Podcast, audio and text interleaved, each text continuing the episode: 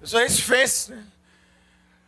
Eu estou um pouco triste com o que está acontecendo no Recife. A gente está tendo um, uma queda de turismo. Tem um animal aí prejudicando a, a CVC e a galera. Tubarão, tubarão. Mas não é, não é culpa dele, ele está na área dele. A gente que está querendo dar uma nadada. Tem muita placa, tem muito aviso, mas as pessoas tem que ter um, um aviso do lado do elevador para avisar que não tem elevador. Imagina a placa do tubarão. O povo cagueando assim. Podia estar escrito qualquer coisa. Qualquer coisa na placa. Sorria, você está sendo filmado, ou perigo de tubarão. É, é indiferente para a pessoa. Teve dois, dois acidentes, não é acidente, é ataque. O tubarão não, não, não escorregou e caiu. É. Dois ataques de tubarão no Recife em menos de 24 horas. Você acredita nisso? Em menos de 24 horas. Assim que eu vi essa notícia, a primeira coisa que eu pensei foi: o quão burra é essa segunda pessoa? meu irmão, acabou de acontecer, meu irmão. Não, não é possível. O sangue tá na água. O tubarão tava aqui, ó, terminando de almoçar. Ele falou: é sério? Já chegou iFood com mais? Tem como guardar na geladeira ou como mais tarde? Eu não consegui nem ficar triste com a notícia. Eu disse, é isso mesmo, tubarão. Vai pra cima, velho. Vai pra cima. Vai pra cima.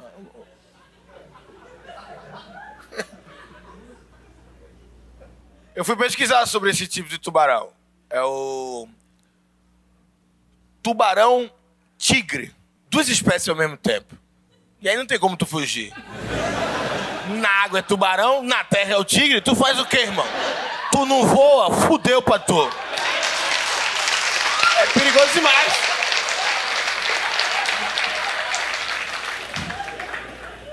Eu li que esse tubarão ele não gosta da carne humana. O sabor para ele não apetece.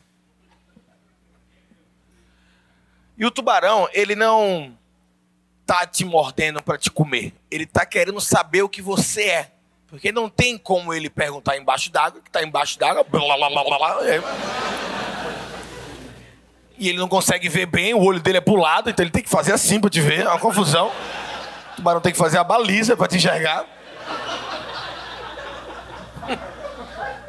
E ele não tem braço para te apalpar e descobrir o que é. Às vezes é por isso que ele gosta tanto de comer braço, é uma invejinha que ele tem. Então, se você estiver sendo atacado por um tubarão, saiba que na realidade não é um ataque, é um questionamento. Ele está perguntando o que é você. E tem pessoas que ainda dizem que perguntar não dói. Tá aí o tubarão provando o contrário completamente. Mas a parte mais triste para mim dessa história é que teu braço fica boiando na água porque ele não gosta do gosto. Eu não ia admitir isso. Eu ia pegar meu braço e falar: agora você vai comer. Você vai cheio de tubarão passando fome na África.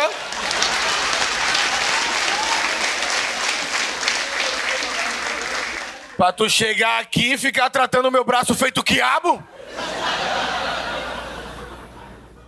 Coma devagarzinho, chama os amiguinhos, mas você vai comer. Esse braço aí tem história, punhetas e punhetas. Então todo recifense sabe que tem que ficar na areia, que é onde não tem perigo. Pensava eu que era assim. Até o dia que eu fui para uma praia chamada Pipa. Acho que é um conglomerado de praias, são várias praias. Pipa fica no Rio Grande do Norte. E aí em Pipa tem uma praia que chama Praia do Amor. Eu fui lá com a minha ex. O nome é Praia do Amor porque você tem que amar muito a pessoa para chegar até ela. É uma ladeira que tem uma dificuldade absurda assim para você chegar lá embaixo. E lá embaixo pessoas moram, tem vendedores, que eu acho que são pessoas que desceram e não quiseram voltar. Não, não tem pra que a gente falar mais não. Tá bom aqui, vamos ficar por aqui. E aí criou-se uma comunidade. Os praieiros do amor. Estava eu descendo com um grupo de pessoas, quando de repente, no meio do caminho, eu escuto o grito: Aos cocos! Eu olho para cima, um vendedor ambulante havia tombado um carrinho de coco. Não sei, era de 30 a 5 mil cocos. Não dava para contar. Era uma chuva de coco. Vindo a milhão. Se a gente vai todo mundo levar cocada na cara. Não tinha o que fazer. E o coco, tu soltou daqui, ele já machuca. Imagina ele vindo na montanha. Cara, uma véia se jogou no chão, o resto do grupo copiou a véia. Olha como a gente tava devagar. A véia teve o maior reflexo. Ela, gente, vamos deitar. E aí o povo, caralho, é mesmo, olha os cocos aí. E eu fiquei pensando, vai vir os cocos rolando, vai bater na nuca. Eu vou ficar em pé. Pior ideia. Tive que desviar dos 16 cocos. Matrix tropical, os cocos passando e eu. E aí depois o vendedor disse: Ó, oh, quem quiser pode ficar com os cocos agora pra vocês. Disse: vai te fuder, irmão. Tu joga as facas e depois quer que a gente amole?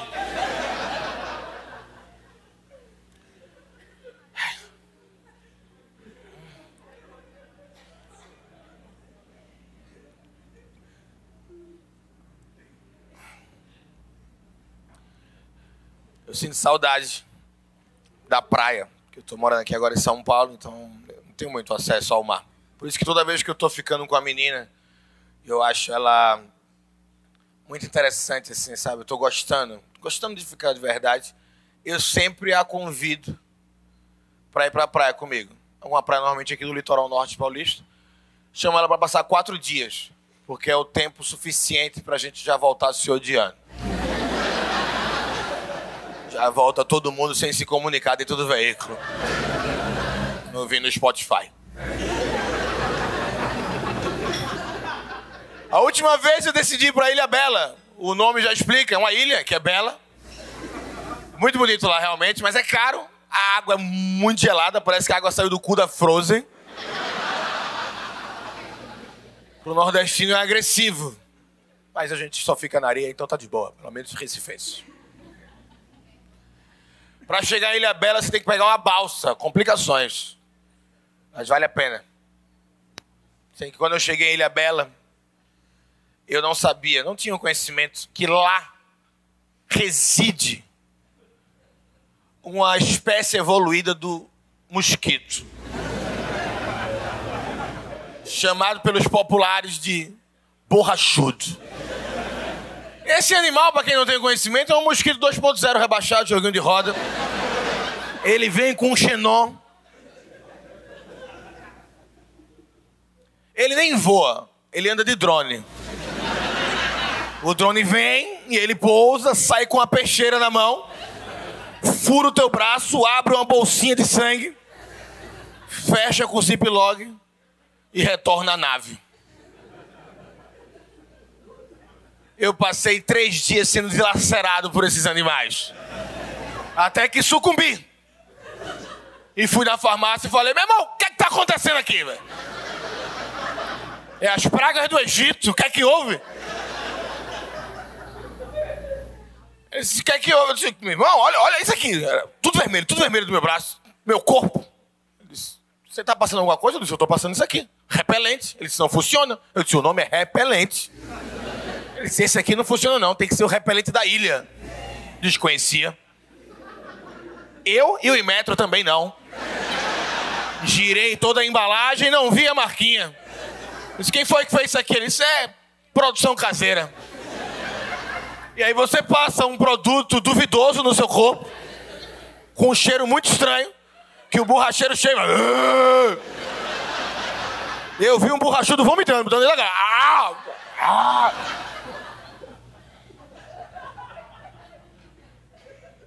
Porque, teoricamente, eu fiquei lá três dias. O cara falou que o que eu tava usando ele até gostava.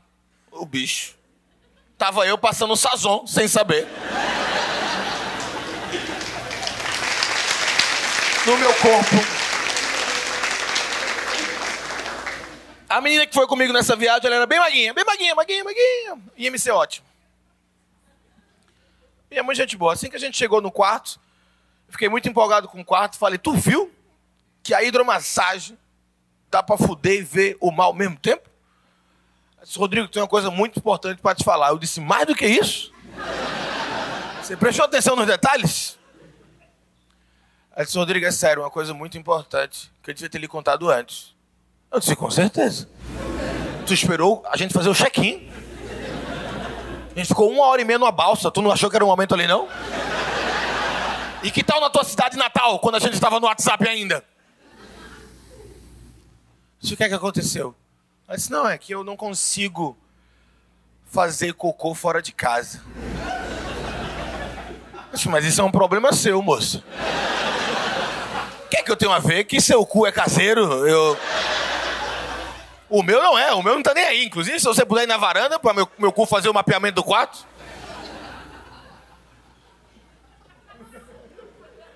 Seguimos para o café da manhã. Essa menina pediu uma tapioca, comeu toda a tapioca, pediu um pedacinho de bolo, uma frutinha, suquinho. Almoçou camarão. À tarde a gente ficou petiscando na praia. À noite, pediu um bife. Disse, olha só, carne à noite. Digestão mais lenta. Amanheceu, café da manhã de novo. Ela pediu tapioca. Disse, olha, gostou da tapioca. Pediu um omeletezinho. Disse, ah. Pedacinho de fruta e um bolinho. Pediu um iogurte. Eu disse, é bom que, que ajuda a movimentação. Almoçou um bife. Eu disse, olha só, aprendeu com os erros. Petisquinho à tarde o dia todo. À noite pediu um salmão. Terceiro dia acordou, café da manhã, pediu uma melancia. E aí eu tive que intervir. Eu disse, ei, ei, ei, ei, ei, ei, ei, ei, ei. Eu disse, o que foi? Eu disse, vai devagar, porra. Eu disse, por quê? Eu disse, não cabe mais não. Eu disse, como assim não cabe? Eu disse, não cabe não. Eu, tô, eu calculei aqui, não tem mais espaço. Você é uma tapaué de cocô, moça. Não tem mais espaço aí, não. De verdade. Eu tô muito preocupado.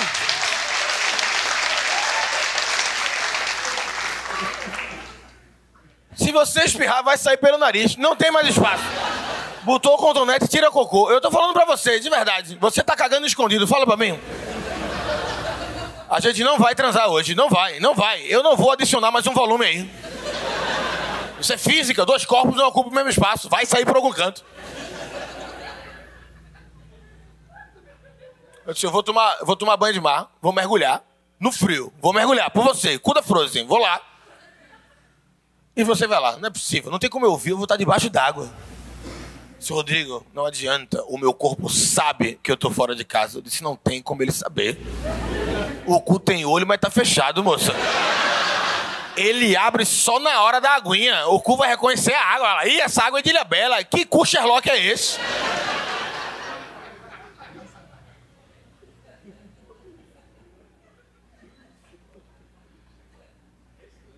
No quarto dia a gente não transou. Achei melhor ela ficar de resguardo.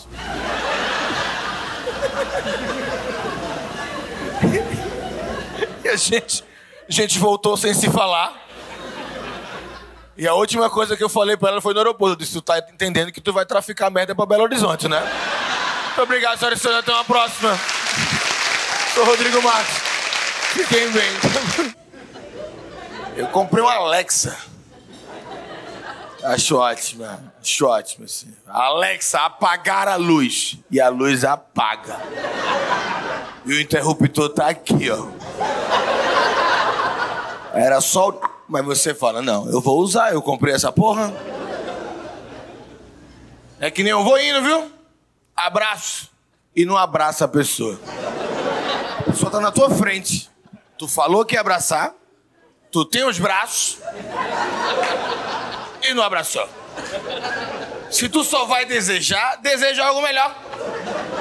Vou indo, viu? Boca é tão bom. É um carinho. Muito mais legal. Lambidinha no grelo, lambidinha no grelo. Um beijo no cu da família. Só deseja, só deseja. Não precisa procurar todos os familiares e sair beijando o cu de uma família. Sempre que eu quero que a Alexa pare de tocar, eu falo, Alexa, cala essa boca. E ela para. E sempre quando tem alguém comigo, a pessoa fala, nossa, por que tu é grosso assim com a máquina? Eu falo, porque é uma máquina. Ela não tem sentimentos. E todo mundo sabe que as máquinas vão vencer a gente em algum momento. Enquanto elas estiverem perdendo, eu mostro quem é que manda a todo momento. Por mim, é porque a Amazon não deixou, mas por mim o comando era Alexa, fecha o cu pro pai. Tentei salvar, não deixaram. Não entendo, as pessoas têm educação com máquina. Tu, tu abre a geladeira, enfia a tua mão no cu da geladeira e pega arroz. E ninguém fala, ei, geladeira, vou botar a mão no teu cozinho aqui. Por mais que as máquinas evoluam, a gente só vai continuar vencendo enquanto precisar da, do homem. A gente tem que estar tá controlando a máquina. O carro, por exemplo, ele, ele avisa qual é o problema para tu, mas ele não não resolve só. Precisa que alguém. Que, enfim, aquele, aquele painel até do carro, eu acho errado aquilo, porque, porra, podia aparecer o problema escrito. Acende uma luz com um desenho e tu tem que adivinhar, uma lamparina. Fala, que é isso? Eu sou Aladim? Eu não sei o que, é aconteceu no carro. Uma lamparina vermelha. Eu ligo você, meu irmão, acendeu uma lamparina vermelha. Quer dizer o quê? O cara, óleo. Por que não aparece? Deu ruim no óleo. Bateria, hein? Rodar mais um pouquinho, deu merda. Avisa pro cara. Essas coisas dão problema. Tanto é que um, um, um grande amigo meu, Pininho, tinha mudado recente para Caruaru, uma cidade próxima a Pernambuco. Próxima a Pernambuco, ó, próxima a Recife, é em Pernambuco. E Pininho, ele tava com um carro, que era semi-novo, tinha pego ali numa, numa, numa concessionária. Uma semana de uso, acendeu uma luz no carro. Ele não tinha a menor ideia o que era, disse, vou levar lá na concessionária. Era pertinho da casa dele, um quilômetro. Em que ele ficou preocupado, que ele disse, velho, se eu deixar o carro lá, como é que eu vou voltar para casa? Eu não quero andar um quilômetro. E aí Pininho é muito inteligente para várias coisas. Mas nesse dia, eu não sei se a palavra que eu tenho para ele é orgulho de ser amigo. Pininho, ele viu o carro da esposa dele e disse: E se eu levasse os dois carros ao mesmo tempo? Porém, ele estava só. Então, Pininho pegava o carro dele e ia 100 metros. Descia. Pegava o carro da esposa e passava do dele 100 metros descia, voltava pro dele, e assim ele foi levando dois carros, sem andar, sem andar.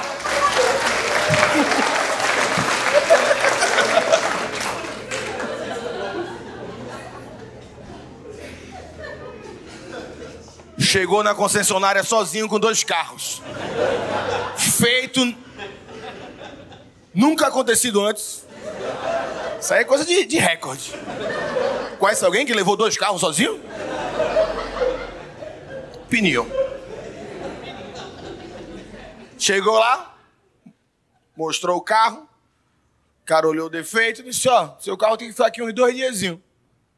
Disse: Porra, tá bom então. Disse: Olha, já que você veio de carro, a gente vai disponibilizar o motorista para levar você de volta para sua casa.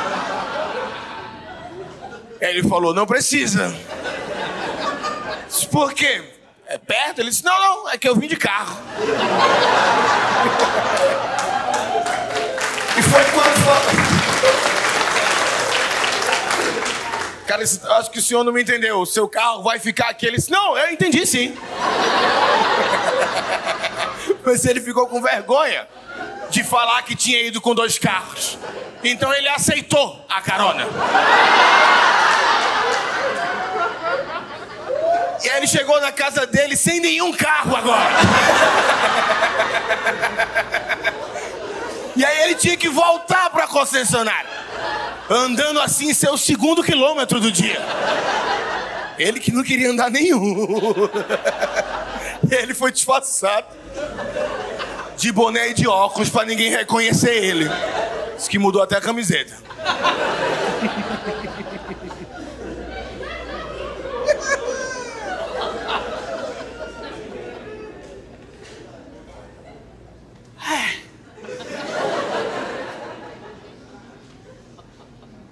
Eu estava indo pegar um voo agora.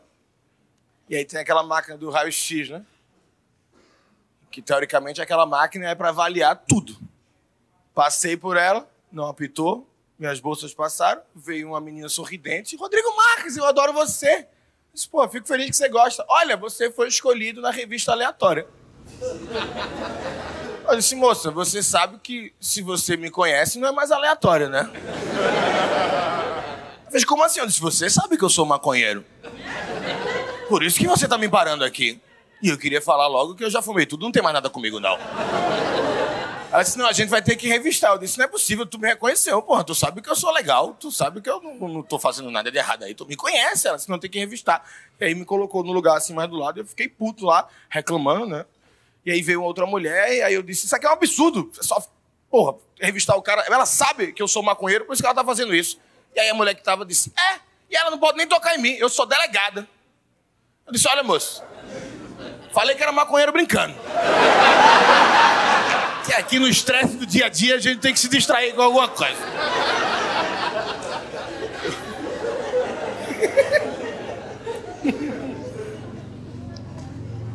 Fui para Amsterdã agora recente, vou fazer uma turnê na Europa, mas cheguei para Amsterdã, que eu tinha uma experiência lá.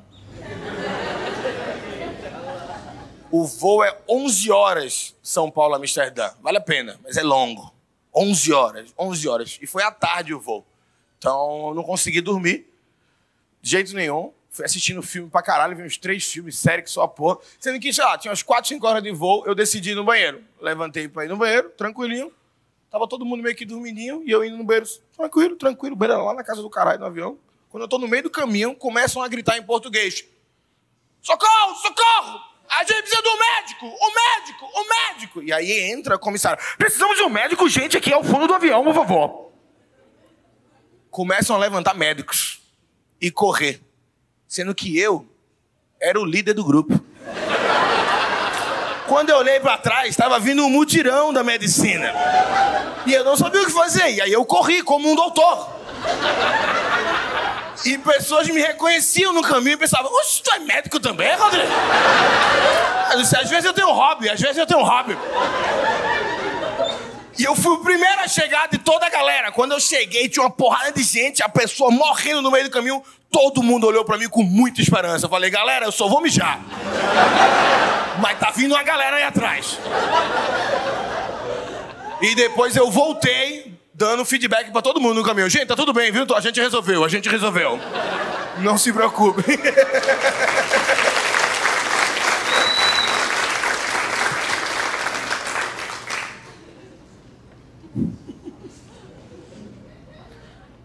Eu nunca tive coragem, nunca pensei assim em ser médico. Admiro muito. Admiro muito. Eu, eu me traumatizei assistindo aula de primeiros socorros, pra você ter ideia. Os assuntos fortes. Eu lembro que eu fiz essa aula no, na autoescola. Tinha recém-completado 18 anos. Me transportava de bicicleta. Eu lembro que eu tinha uma bicicleta de 18 marchas. Nunca entendi para que tanta marcha. O carro tem 5, a bicicleta 18. E o carro passa facinho dela. Eu acho uma humilhação. tu tem 18 e perde pra geral, porra. E aí eu tinha minha bike, 18 marchas, sabia usar três. A gente assistiu a aula de primeiros socorros, velho. Os caras mostraram uns vídeos, umas coisas que saiu todo mundo muito traumatizado da aula, assim. E aí eu peguei minha bike, eu tava meio abatido ainda, tava indo pro trabalho, eu ajudava a manhã no restaurante que ela tinha lá no Recife. De repente, um carro embicou, assim, num cruzamento. E eu tinha duas opções. Ou eu jogava a bike para a esquerda e deixava a sorte se estava vindo um carro ou não atrás, ou eu batia no carro da frente. Não consegui tomar uma decisão, e aí aconteceu a segunda, que é bater no carro da frente. Pau! E aí eu voei pelo capô e caí do outro lado, na calçada, quente. Tal. Quando eu fui me levantar, quem é que estava vindo? Toda uma turma que tinha acabado de ouvir sobre primeiros socorros. E o primeiro conselho é: não deixe a vítima se mexer. Eu fiquei três horas deitado na calçada, esperando a ambulância, fritando, fritando. E eu ouvi a minha história de várias e várias versões que passavam pessoas e esse menino tá vivo? Tá, ele é um herói. E aí contava a minha história. A ambulância chegou junto com a manhã. Os caras estavam querendo me colocar na maca. A manhã chegou e disse: Rodrigo, você tá bem? Eu Eu tô bem. Você consegue levantar? Eu disse: Eu consigo. Por que você não levantou? Isso porque o povo não tá deixando amanhã. Você consegue levantar, Rodrigo? Isso, mãe, o povo tá falando que eu vou ficar tetraplégico se eu levantar amanhã. Assim, Rodrigo, tu só caiu de bicicleta, Rodrigo. Levanta! Aí eu levantei, ela olhou pra todo mundo e falou: Vocês estão de palhaçada com a minha cara. E tinha o SAMU do lado. A gente entrou e foi embora. E o pessoal do SAMU ficou: Gente, a gente não vai levar ninguém? Ninguém? Ninguém? Então eu acho que a gente tem que mostrar para as máquinas quem é que manda, quem é que comanda de verdade. Tanto é que lá em casa, toda vez que eu vou encher o meu copo d'água no bebedouro, eu sempre ligo e vou mijar ao mesmo tempo. Para a máquina ver quem é que mija mais rápido. E toda vez que eu venço, eu digo: Alexa, tocar We Are the Champions. E bailo como soberano das máquinas que sou. Muito obrigado, senhoras e senhores. Rodrigo Marques, até a próxima. Eu tô muito feliz, eu tô muito feliz porque o, o, meu especial de comédia, o meu segundo especial de comédia, ele saiu pra Netflix. Isso assim foi uma, uma realização de um sonho. O pessoal da Netflix ligou pra mim no meio da pandemia. Aqui é da Netflix, eu pensei que era cobrança. Disse, Oxe, vocês não cobravam pelo aplicativo? O que é que houve? E eu fiz uma festa para comemorar o lançamento do, do meu especial na Netflix. Inclusive foi aqui nesse Comedy Fest. E alguns amigos meus vieram para cá para a gente poder comemorar esse momento. Vieram os amigos meus do Recife. E eles chegaram uns dias antes, a gente já começou a sair para poder curtir. Que eles já vieram nessa vibe e a gente foi para algumas baladas. E eu fiquei muito feliz de saber que, que meus amigos estavam me usando para tentar comer pessoas. Sabe? Você se sente bem com isso? Os caras na balada. E aí? Tô com o Rodrigo Marques aqui, hein? E às vezes até agradável. Mas teve um momento que chegou para uma menina, a menina olhou nos meus olhos. Não sei nem porque ela olhou fixamente desse jeito para mim e falou muito alto. Não tenho a menor ideia quem é esse bicho.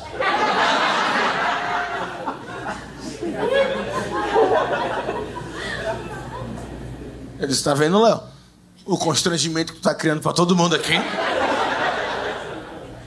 E aí Léo disse: Você não conhece ele agora, mas daqui a quatro dias ele vai estar na Netflix para o mundo todo 220 países. E aí eu chamei Léo e disse: Léo, o mundo nem tem 220 países. É uns 190 e pouco assim, Léo. Vai ter. Vai ter que ter umas guerras separatistas. E nem todos os países têm Netflix, Léo. Ou tu acha que o povo da faixa de Gaza tá com tempinho pra tá dando risada? Eu quero que vocês entendam quem é esse meu amigo Léo. Ele tá solteiro há pouquíssimo tempo e começou a morar só há pouquíssimo tempo também. Foi transar com uma menina que conheceu no Tinder e a menina, antes do sexo, disse: Espera aí que eu vou no banheiro. Foi no banheiro, foi usar o lixo e achou uma camisinha. E aí indagou Léo. Léo! E essa camisinha aqui? Nem para tu jogar fora.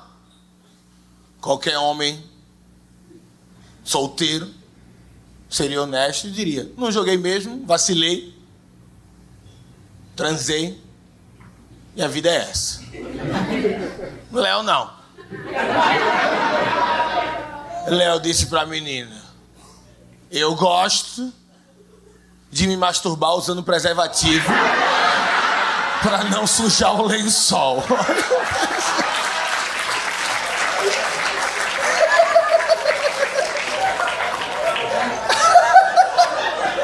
E a menina disse: Eu não acredito. E ele jurou pela mãe dele. Quem é que. quem é que bota mãe nesse momento?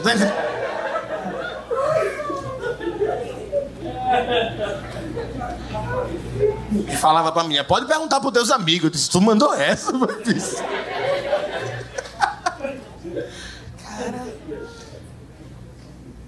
Léo, como ele estava nessa festa comigo, a gente foi, era uma balada muito de playboy que tem aqui em São Paulo. Assim que a gente entrou, Léo foi perguntar quanto é que era o preço da cerveja. Descobriu que uma Heineken custava 21 reais. A gente achou muito caro. A gente é recifense, 21 reais não faz sentido. E só vem a Heineken. O, o, o barman não dá mais nada, não dá um conselho um abraço, um engove, não dá nada. Não, não acende um isqueiro, não maçarica a tua bebida, ele não faz nada. Ele só te dá, nem abre às vezes. Léo disse: Rodrigo, não tem condições nenhuma de eu beber nesse local. Eu sou redator publicitário. Eu não tenho dinheiro para pagar isso. Ele disse: Léo, teu amigo tá na Netflix, porra. A gente tá comemorando, caralho. Bebe o que você quiser aí. E depois você me dá o seu cartão. não, não o crédito dele, o da, o da balada, cara. Depois você me dá que eu, que eu resolvo para você. Ele disse, como é que é? Eu disse, você pode consumir e você me dá o seu cartão da balada que eu vou pagar. Ele disse, tem certeza? Eu disse, eu tenho certeza, Léo. Queria falar uma coisa para vocês. Vocês têm que ter cuidado com as palavras palavra é um negócio muito forte. Eu não sabia que dava pra beber tanto num dia, não, assim. É. Tem gente testando o limite. Léo bebeu 21 cervejas. 21, 21. Quando a gente foi pagar, o pessoal Tava todo mundo lá, ninguém acreditou. Disse, Léo, 21, Léo. E aí ele pegou essa pilha e disse: Não, não, não, não. Não consumi 21 nem fudendo. Eu disse, Léo, tu não vai nem pagar, mano. Tá aqui, vamos pagar, acabou. Deixa quieto. É isso. Eu disse, não consumi. Não é porque meu amigo é rico. Eu disse, por que tu tá gritando que eu sou rico pro povo? Que... Não vai pagar 21. Eu disse, Léo, tá aqui, vamos pagar. Não foi. Aí a gerente do local disse: A gente tem como provar, senhor. Eu disse: Moça, não precisa. Ela disse: Não, não, não a gente faz questão. Subiram e começaram a editar um vídeo. E eu dizendo: Gente, não precisa, não, gente. Obrigado pelo carinho. As pessoas passando, tirando foto, reconhecendo. Porque agora estou é, vivendo um momento feliz na minha carreira que cada vez tem mais pessoas assistindo meu trabalho.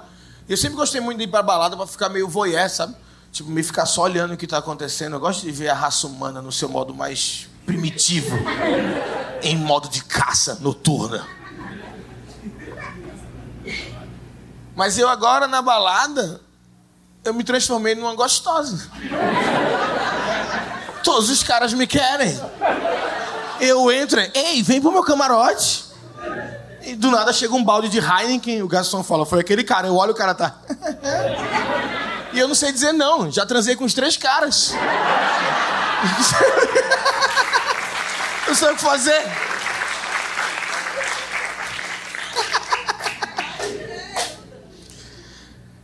Cara, eu queria ir embora de qualquer jeito. Eu disse, velho, deixa eu pagar essa porra e vamos embora, Léo. Deixa eu pagar aí, vamos embora. Deixa eu pagar aí, vamos embora. E Léo não queria desce o vídeo.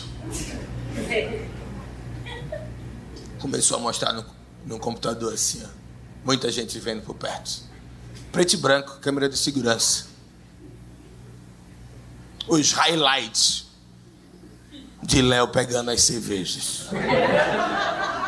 Ele começa devagarzinho, ele pega uma, volta feliz, daqui a pouco ele vende duas, três, três, três. Tem uma hora que ele pega três, derruba uma, fica um tempão se lamentando. E aí ele já pede outro, depois ele pega duas, fica dançando na frente assim. Eu falo, cara, por que tu tá dançando? Ele disse, não sei, irmão, eu tava feliz na hora. Era open bar. Quando a gente tava chegando em 15, eu disse, querida, eu. Eu não queria assistir mais, não. Eu. Eu acho que eu só vou pagar. Assim, parabéns aí pelo trabalho do Movie Maker, mas eu. Acho que não precisa mais, não. Ela disse: Não, não. Eu faço muita questão que você veja até o fim, porque a gente notou um erro. Ele estava certo. Na verdade, ele consumiu 25 cervejas. Eu, eu, eu não quero nem que vocês calculem quanto é que eu paguei. Eu disse, não é possível, gente, que vocês cobram 21 reais aqui não tem nada. Mas eu entendi porque essa balada cobra tão caro. Porque desde que eu cheguei nessa balada, tinha uma jaula num teto. E eu não parava de olhar para essa jaula. Vai ter um tigre em algum momento. De repente a jaula desce e vai pro palco. Eu disse, o tigre chegou que eu nem vi. Deve morar nos fundos. O DJ de repente fala: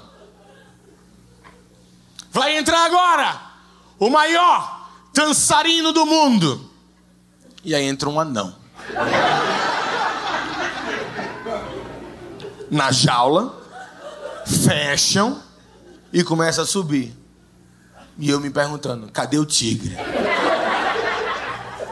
E a jaula vai pro teto e o anão sem camisa dançando, se esfregando nos ferros. E todo mundo filmando. Eu disse, gente, o que é que tá acontecendo aqui, gente?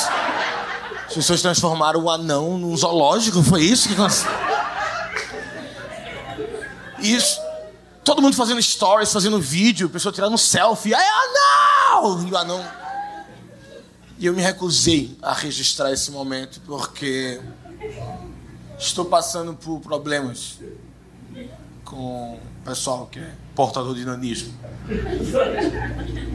Estou sendo processado porque eu fiz piada com anão. Olha que coisa pequena para as pessoas estarem se incomodando, tá entendendo? Mas mas o que eu, mas o que eu queria falar é isso. Eu, eu fiz piada. O pessoal coloca o anão numa jaula e cobra a Heineken a 21 reais e é de boa. Eu faço anedotas e vou ter que pagar. Eu tô sendo processado porque eu fiz piada com anão. E os anão tão puto comigo. Eu tô sendo perseguido por anões.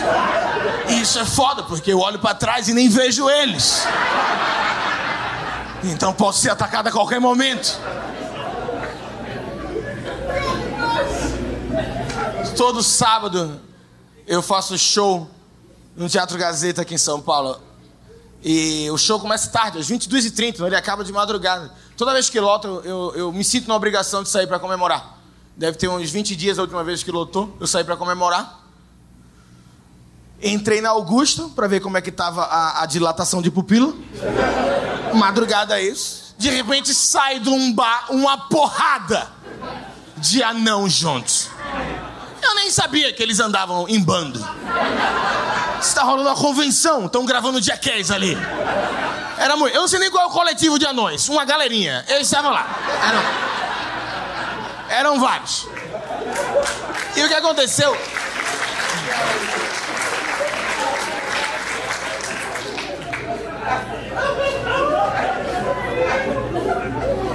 Um deles, um deles, que era o, o, o anão rei,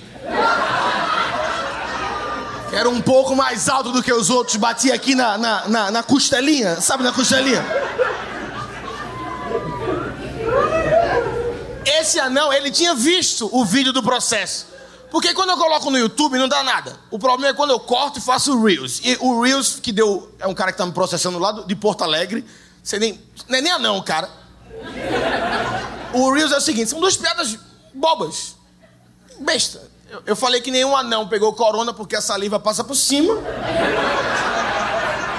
E que o anão é um ser humano zipado. Se você extrair, sai dois adultos tamanho normal de dentro. Foi isso. E aí esse anão, o anão King, ele puxou do bolso dele. É muito difícil identificar devido ao tamanho da mão se era um celular ou um tablet. E aí ele pegou e começou a fazer um cineminha na calçada pros outros anões.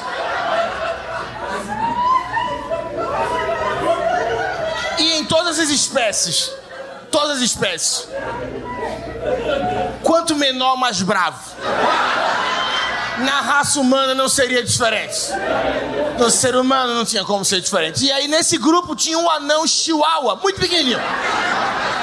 Era um anão que, que, que se ele cai, ele não se machuca. Ele, ele, a queda dele chama de deitar. Ele, ele, muito próximo, muito rebaixado, assim, um anão tunado, um anão tunado. Ele,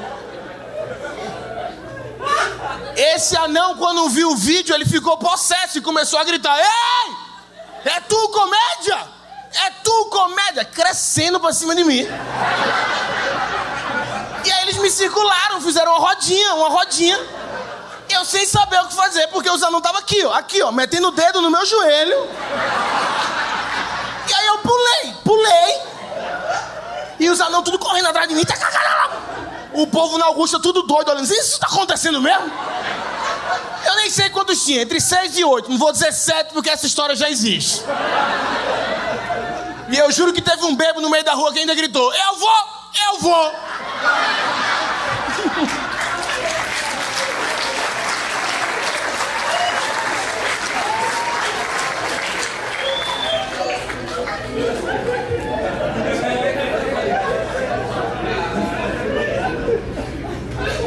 Melhor parte para mim foi quando a menina olhou para mim, para Léo e respondeu: Nossa, 220 países?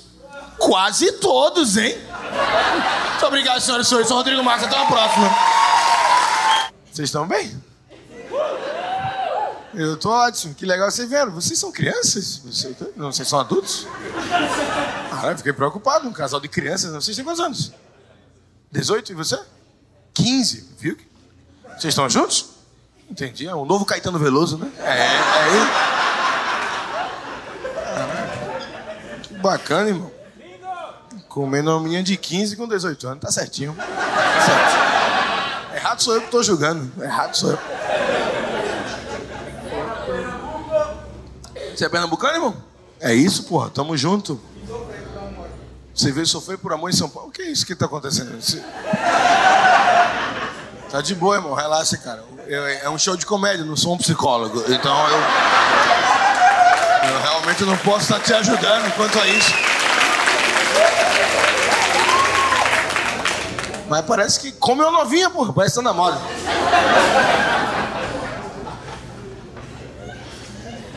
E sofrer por amor é isso. Eu Quero começar contando algo que aconteceu recente. Eu fui para Florianópolis fazer um show. E eu pedi para ficar mais dois dias na cidade. Eu gosto muito de Floripa, apesar de Santa Catarina ter invadido Brasília. O, o pessoal de Floripa é mais legal.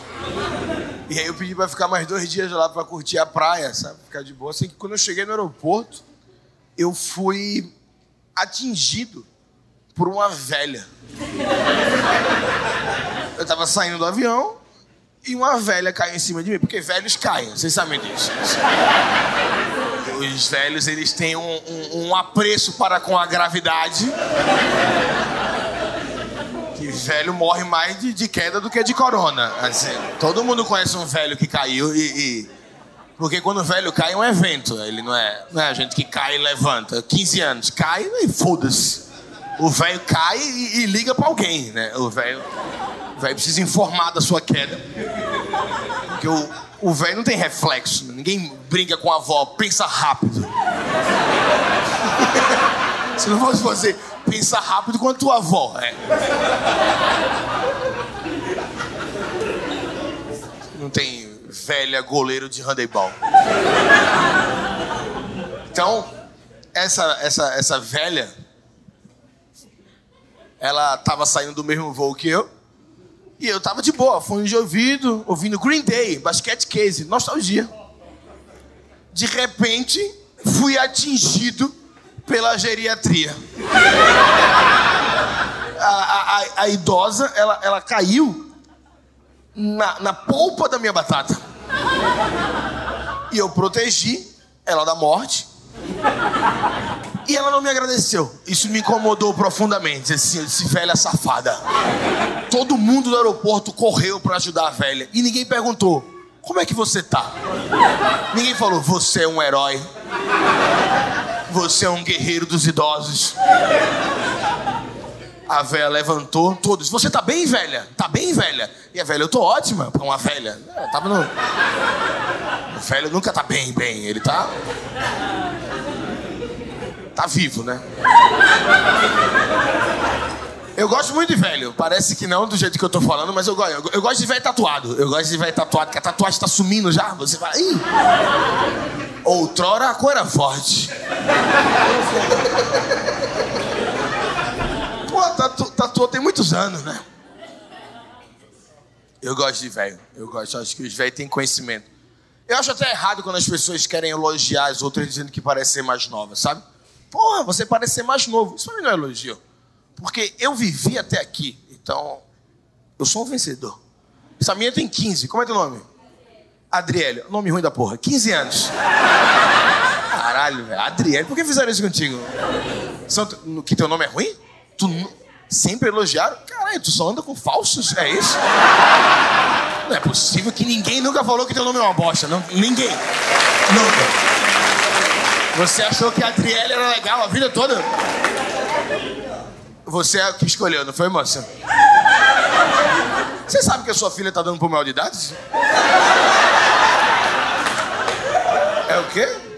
Não tá, não? É, não tá contando, né? É diferente. Olha a Adriele olhando pra mim, muito preocupada, muito preocupada. Muito preocupada. Relaxa, Adriele. Quer falar sobre o nome ou quer falar sobre outra coisa agora?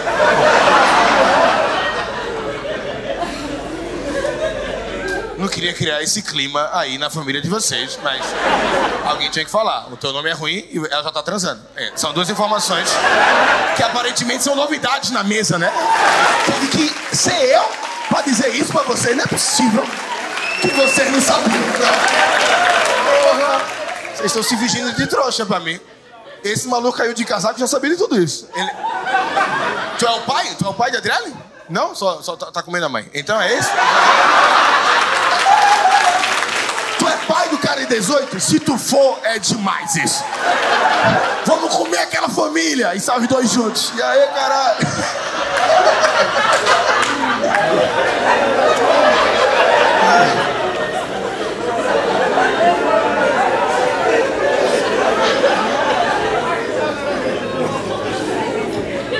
Tu é o, o. O que ele é teu, Adriele? Pergunta pra Adriele. Tu não sabe. Irmão, você ainda não conquistou a Adriele, pelo visto. Você é recente no game? Tá novo? Não? Quanto tempo? Tá... Quatro anos? E tu ainda não gosta dele, Adriele? Meu irmão, compra alguma coisa pra Adriele. Dá um Playstation pra ela, dá uma, uma bola, dá alguma coisa, não sei o que, é que o pessoal de 15 anos gosta. Dá um, um ring light, um ring light, ela vai adorar. Como é teu nome, irmão? Como é? Fábio. Fábio. E você tem, tem filho, Fábio? Tem um? Ele tá aqui? Não é esse rapaz. Quem é esse rapaz? A pergunta é. Tu não conhece ele, né, Fábio? Ele é um. Não sei porque eu entrei nisso, tá falando de velhas. Aí. Vocês dois se conheceram como? 18 e 15. Vocês não são da mesma sala. Não sei que ele seja bicho burro pra caralho. Reprovou três vezes. Ele vai te buscar no colégio de carro, né? É muito estranho isso. O cara chega de carro. Olha o meu namorado. É o teu pai? Não, não. Meu boy. Meu boy. Como é teu nome, adulto? Como? Calma, tu conheceu a menina do, do nome lindo. Como é teu nome? Você que é a mãe da Adriele, que é a Ana. Tá vendo? Teu nome é normal, Ana. E aí tu vai e dá uma porra numa tapa do teclado e registra a menina. Tem Y no nome dela? Tem Y, né? E tu ainda acha que é legal, né? Onde é que vocês dois se conheceram? Quê? No curso? Qual o curso que vocês estão fazendo em comum? Quê? No Senai? Tem que trabalhar, meu. Já tá botando mesmo pra trabalhar. 15 anos, foda-se. Já tá transando, tem que trazer dinheiro pra casa.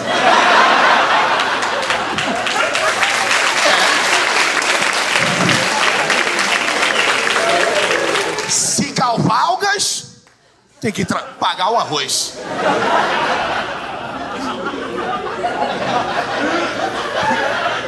Era um, curso do Senai de quê? De que vocês faziam?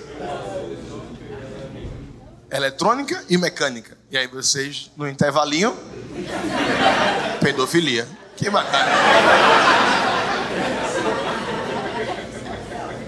Não, cara? A tua formação foi essa? Falou, não. Então é isso, Ana. Não. Você faz o que da vida, Ana?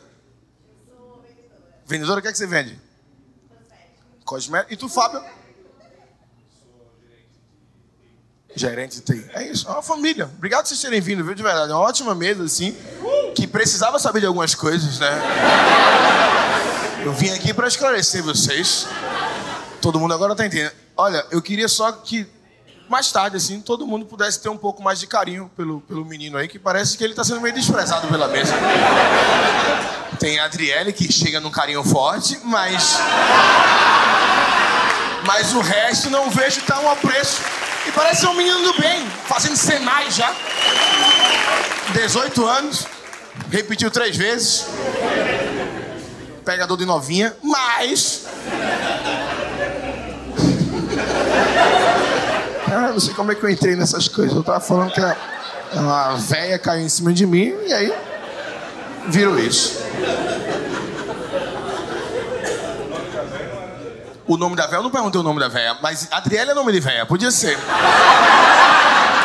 A véia nem falou comigo, e ela era uma véia tatuada. É, por isso que eu questionei da tatuagem. Eu não tenho nenhuma tatuagem. Só tenho uma, Fábio, na real. É uma, eu tenho. Tira o dedo daí embaixo da minha bola direita. Brincadeira, mas seria uma ótima tatuagem. Eu não tenho nenhuma tatuagem. Eu sonhei, inclusive, sonhei recente. Porra, tu falou e eu lembrei. Sonhei que ia fazer uma tatuagem. Olha que doideira. Porque normalmente eu nem lembro mais dos meus sonhos, sabe? Maconha, cerveja. Quando você é maconheiro e dá cerveja, você não sonha, você entra em coma por oito horas. E depois regressa. Mas aí, outro dia, por acaso, recente, sonhei que ia fazer uma tatuagem. Olha que coisa bonitinha. E eu lembrei do sonho. E no sonho, a tatuagem que eu queria era fazer três bolinhas aqui em cima do meu peito esquerdo. E cada bola iria representar um show de comédia que eu já fiz na minha carreira. A, a primeira bolinha ia ser um, um, labirinto, que é o meu primeiro show de comédia, que está no YouTube, que chama O Problema Meu. O segundo ia ser um golfinho, que é do Inimigo do Nível, que é meu show que está na Netflix. E o terceiro ia ser uma freira que representa o Paz de Darwin, que é o meu show atual. Uma ótima ideia. Eu até fiquei, caralho, essa ideia é boa mesmo. Sendo que na, no sonho, eu virei pro tatuador e disse, meu irmão, eu queria fazer essa tatuagem. O cara disse, vamos fazer. E aí ele disse, você quer alguma bebida? Eu disse, eu queria uma cervejinha para relaxar. No sonho, tudo no sonho. O cara disse, eu não tenho cerveja. Olha isso, como é que o cara não tem cerveja no sonho? É um sonho, tá ligado? No sonho a gente pode voar. No sonho a gente morre e o maluco disse: Não, por acaso eu não passei no pão de açúcar. E. Porra de um cara que fica economizando recurso no sonho. E aí, por acaso, o cara não tinha. Eu, eu não tinha notado, porque às vezes você nota que é um sonho. Você notou que era um sonho no meio do sonho? Do nada fala, ih, isso aqui é um sonho. Porra nenhuma, caralho. eu já, já teve comigo. Eu achei que eu tava morrendo, caindo de um prédio. E aí eu lembrei que eu estava sonhando. Isso aqui é um sonho. E aí quando eu acordei, eu estava caindo mesmo, mas era do beliche. Mas isso é outra história. É quando um sonho ele encontra com a realidade. Essa menina não está bem não, aqui do meu lado. Ela está rindo desde a pedofilia. Desde a pedofilia que ela está...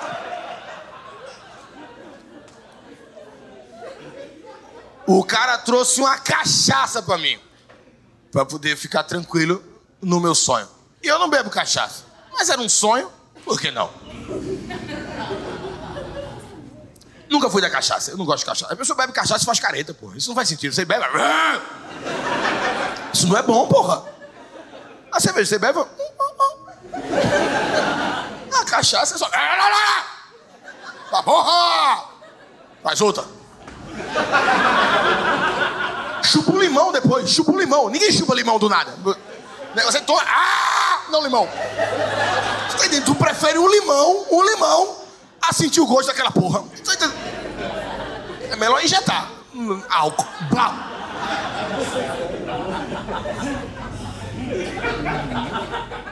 Aí sal, pressão alta, mata o povo.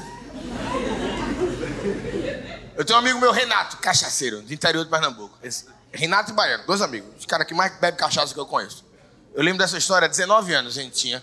A gente foi num barzinho, as mães ainda levavam a gente pro local. Feito Adriele aqui.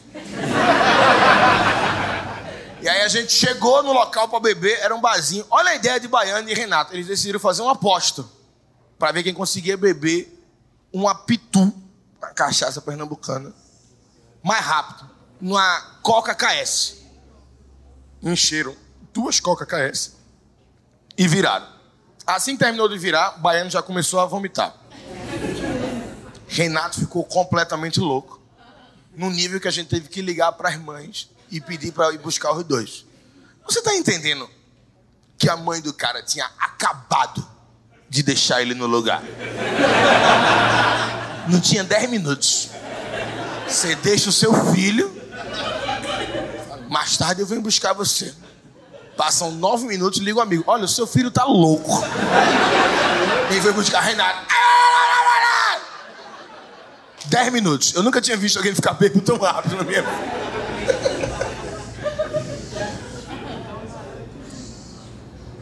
Dormi bêbado no sonho. E acordei no sonho, não na vida. Inception, de capa. Dola. E aí, quando eu olhei para ver a tatuagem, o cara não tinha tatuado o que eu pedi. Ele tinha tatuado um Power Ranger azul gigante em todo o meu tórax. E eu lembro que eu ficava discutindo com ele no sonho, dizendo: meu irmão, por que tu tatuou um Power Ranger azul, irmão? Ninguém gosta do Power Ranger azul. É o único Power Ranger que usa óculos.